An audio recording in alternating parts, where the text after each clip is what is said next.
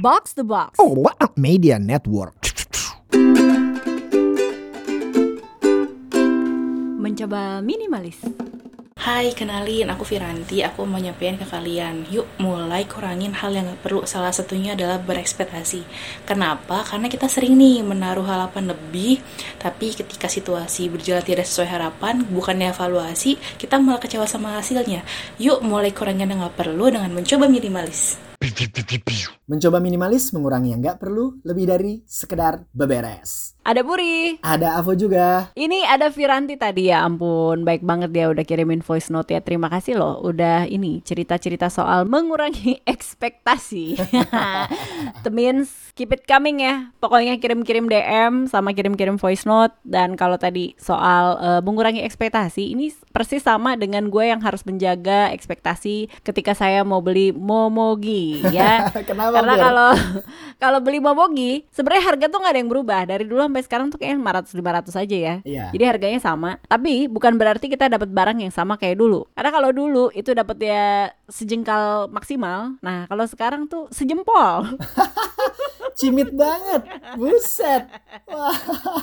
Kayaknya mirip-mirip ya sama gorengan ya Pur ya. Jadi Betul. kalau dulu tuh kan eh, 2000 dapat tiga gitu ya dan ukurannya tuh lumayan lah bisa ganjel perut gitu kan buat eh, nahan lapar gitu. Kalau sekarang Pur 2000 perak itu cuma dapat satu atau dua gitu. Udah gitu Iya. ukurannya kicik banget gitu dan bener-bener cuma numpang lewat gitu kalau dimakan gitu. Kesel deh iya, gua. iya, iya, iya. Kalau tahu tuh dulu kayaknya segenggam gede gitu ya. Iya. Kalau sekarang enggak tuh kayak nggak nyampe. Eh ya episode ini memang eh, didedikasikan ya soal eh, perubahan dari zaman ke zaman. Karena Yes. gue juga akhir-akhir ini baru sadar. Misalnya kita beli baju gitu ya. Lo udah langganan beli baju A gue nih. Terutama dalam konteks beli bra atau beli legging. Misalnya gue beli merek X. Usia pakainya tuh ternyata udah nggak selama dulu gitu. Walaupun harga belinya sama. Jadi misalnya gue beli legging itu eh, baru tiga bulan aja itu udah melar banget. Lebih cocok jadi piyama kayaknya daripada gue pakai keluar. Pertanyaannya adalah kenapa barang yang sama jadi lebih turun kualitasnya setelah beberapa bulan kemudian bahkan nggak tahunan kalau dulu tahunan sekarang turun beberapa bulan kemudian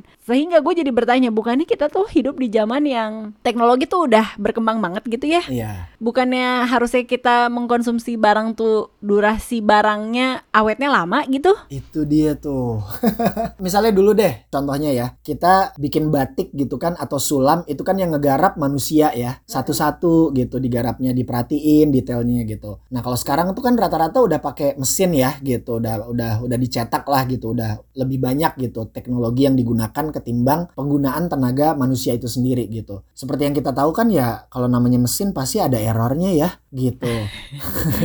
iya sih cuman Heeh. kan errornya satu banding berapa kali ya gitu gak sih Tapi ya itu dia ketika konsumen yang jadi korban errornya gitu ya kan pasti sebelah gitu. Apalagi kalau misalnya ditambah dari eh, sisi consumer behavior, ini permasalahan yang kedua adalah konsumen atau pembeli itu masih pengen beli barang yang sama dengan harga yang sama gitu. Jadi ada time freeze tuh di kepala mereka iya tuh. iya benar-benar. Padahal kan kenyataannya harga kain, biaya produksi, gaji pekerja itu kan semuanya naik gitu. Dan di situlah penjual kadang merasa ini kayaknya harus ada yang di-cut nih gitu. Dan sering kali yang di-cut atau dikurangin itu kualitas barang atau produknya itu sendiri gitu. Jadi ya udah akhirnya barang yang kita beli dulu sama kita beli sekarang ya beda harganya mungkin sedikit ya. Tapi kualitasnya tuh ya somehow jadi ambiar. Dengan lo ngekip harga sama aja ya bahkan nggak turun ya Iya. ada sesuatu yang dipangkas. Itu kan kualitas gitu ya. Sambil lo ngomong gitu tuh nggak? Gue yang kayak halo Lion Air gitu.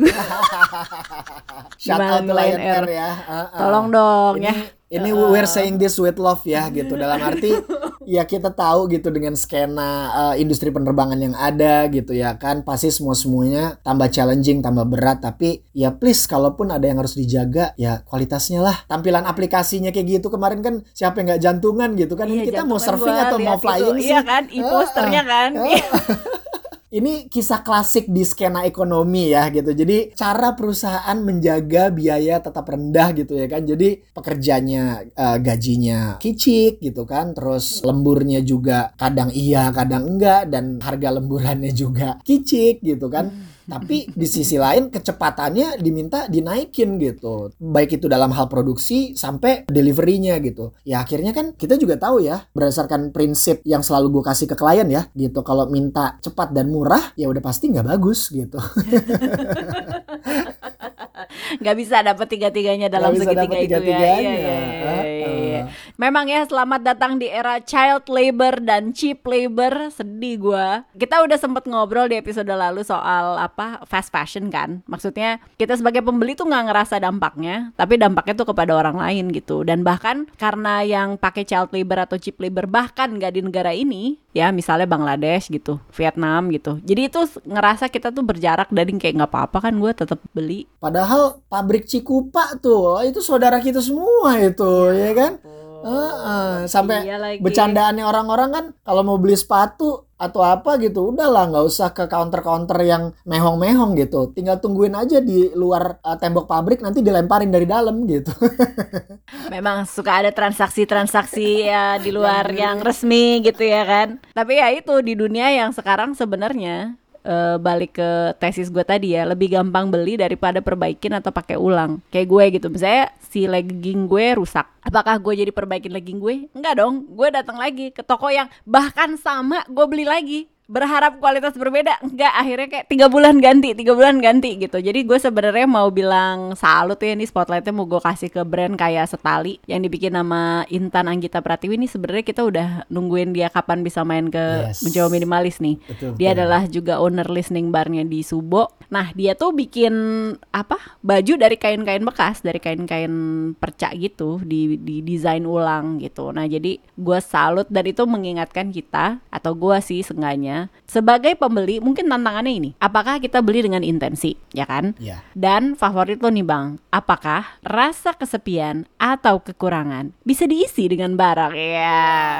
aduh, gimana gimana gimana gimana gimana? di sini gadun-gadun langsung pada ke trigger gitu kan. Sini sini sini gitu bawaannya pengen nyantunin gitu rasanya. Karena di sini juga salah satu aspek yang mungkin paling kuat dan paling berasa gitu ya di zaman sekarang adalah kombinasi ya kan antara FOMO yang uh, tag teaman sama influencer atau brand ambassador. Kita selalu lihat lah gitu banyak influencer yang kadang misalnya di postingan stories pertama itu dia selfie gitu. Terus di postingan yang kedua gitu adalah uh, screenshot pertanyaan dari followers gitu kan, uh, Ci bajunya beli di mana gitu, sis uh, atasannya lucu tuh. Nah, terus sama dia uh, langsung lah dikasih uh, linknya tersebut gitu. Jadi secepat itu gitu orang dari mulai FOMO sampai taking action pur Iya, gitu. iya, iya. Jadi nggak nggak mindful gitu pur nggak oke do I really need this stuff gitu or gue cuma gemes aja seperti yang kita juga tahu ya gitu. Rolex nggak akan bisa ngasih waktu yang lebih gitu. Jatah kita tetap 24 jam sehari gitu. Mau apa pun secanggih apa pun jam yang kita pakai gitu. Mau pakai Mercedes Benz atau BMW, ya macet sih ya macet aja gitu ya kan.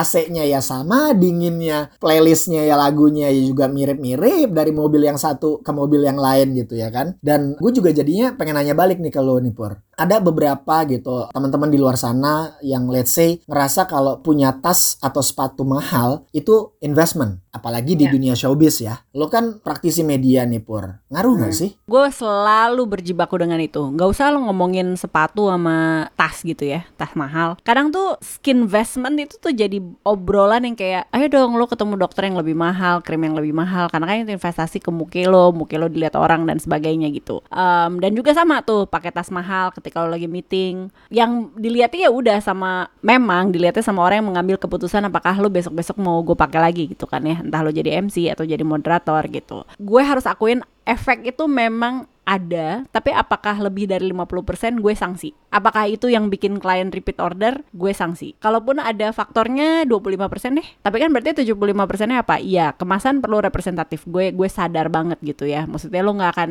ngelihat gue lagi briefing, muke baru bangun tidur nggak mungkin gitu. Pasti gue dandan dandannya juga beda sama dandan lo sehari-hari gitu ya. Terus kalaupun ketemu tipe-tipe orang yang meeting dan menilai kita pakai tas apa, eh, pertama lo deliverynya gimana? Itu ujung-ujungnya 75% persen itu adalah skill gitu kan ya. Ya. Si 25 persennya si tanda kutip kemasannya Mm-mm.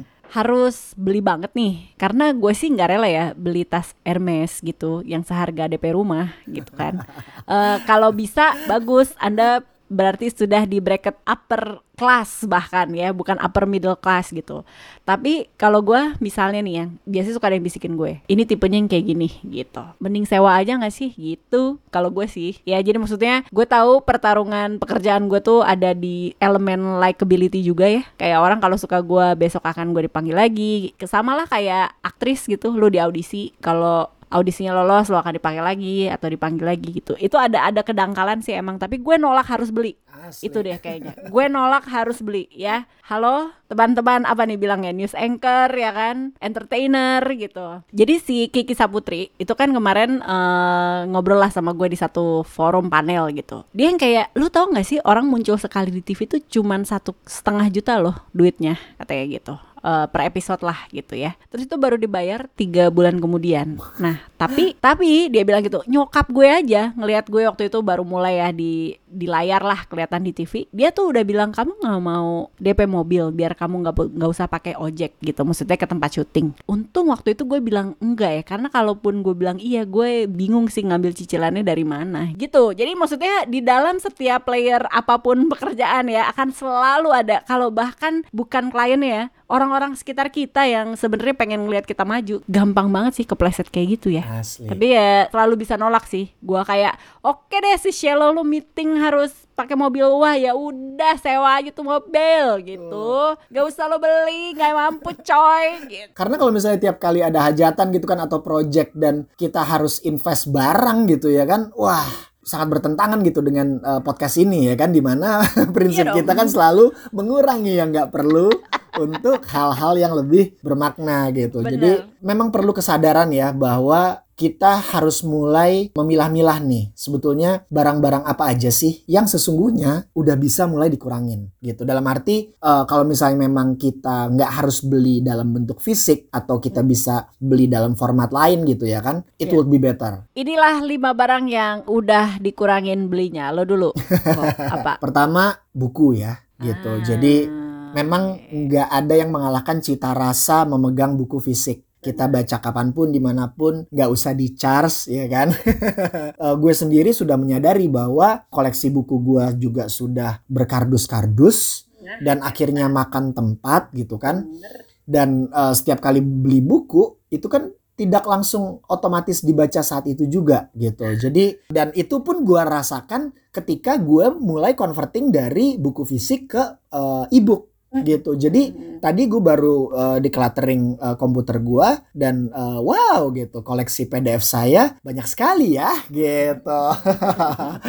Dan banyak yang belum dibaca ini sepertinya gitu. Jadi daripada beli yang baru udah yang lama atau yang existing dihabisin dulu gitu Iya. bacanya gitu barulah nanti kalau misalnya eh, memang penasaran banget atau memang ada kebutuhan tertentu yang memang harus beli atau baca buku itu barulah gue purchase Selain gue sepakat dan mengikuti lo berarti kalau tadi kan nomor satu buku, nomor dua kita sepakatnya majalah sama koran ya. Walaupun sama tuh kita suka nostalgianya, kita suka sensasinya eh, minum kopi sambil baca koran gitu ya. Tapi kayak Kesian pohon-pohon pur, botak nanti hutan kita, botak hutan kita pur. Ah, ah. Save your forest guys gitu. Gue bukan Afutami ya dan gue belum bisa jadi kayak beliau gitu. Tapi minimal setidaknya kesadaran bahwa semakin banyak kertas yang dikonsumsi ya kan, semakin botak gitu hutan kita.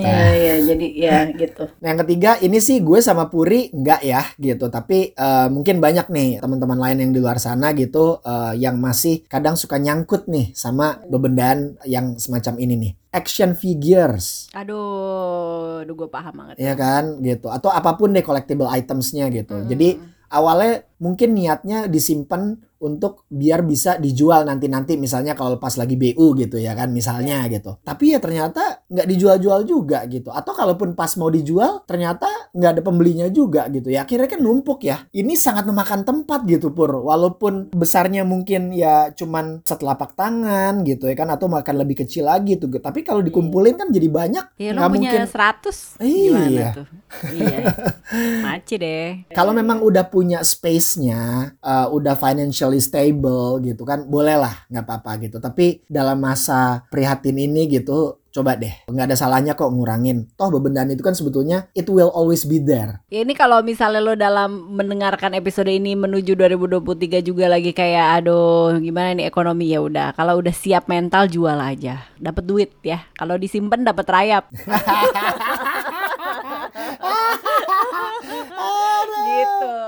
Terus eh, tadi kan keempat ya setelah majalah koran, action figure, eh, ini yang hubungan dengan hobi. Ini gue tahu nih unpopular opinion sepeda misalnya nih ya nggak salah sepedanya, nggak salah niat lo juga untuk lebih sehat gitu ya. Cuman gue selalu melihat ada orang yang baru berkenalan nama olahraga itu, misalnya sepedahan, dia langsung beli terus gaspol. Waduh. Nah, terus udah gitu usia kelanggengan dia bersepeda hanya tiga bulan. Waduh. Terus lo beli sepeda yang 60 juta gitu. Kan nangis ya.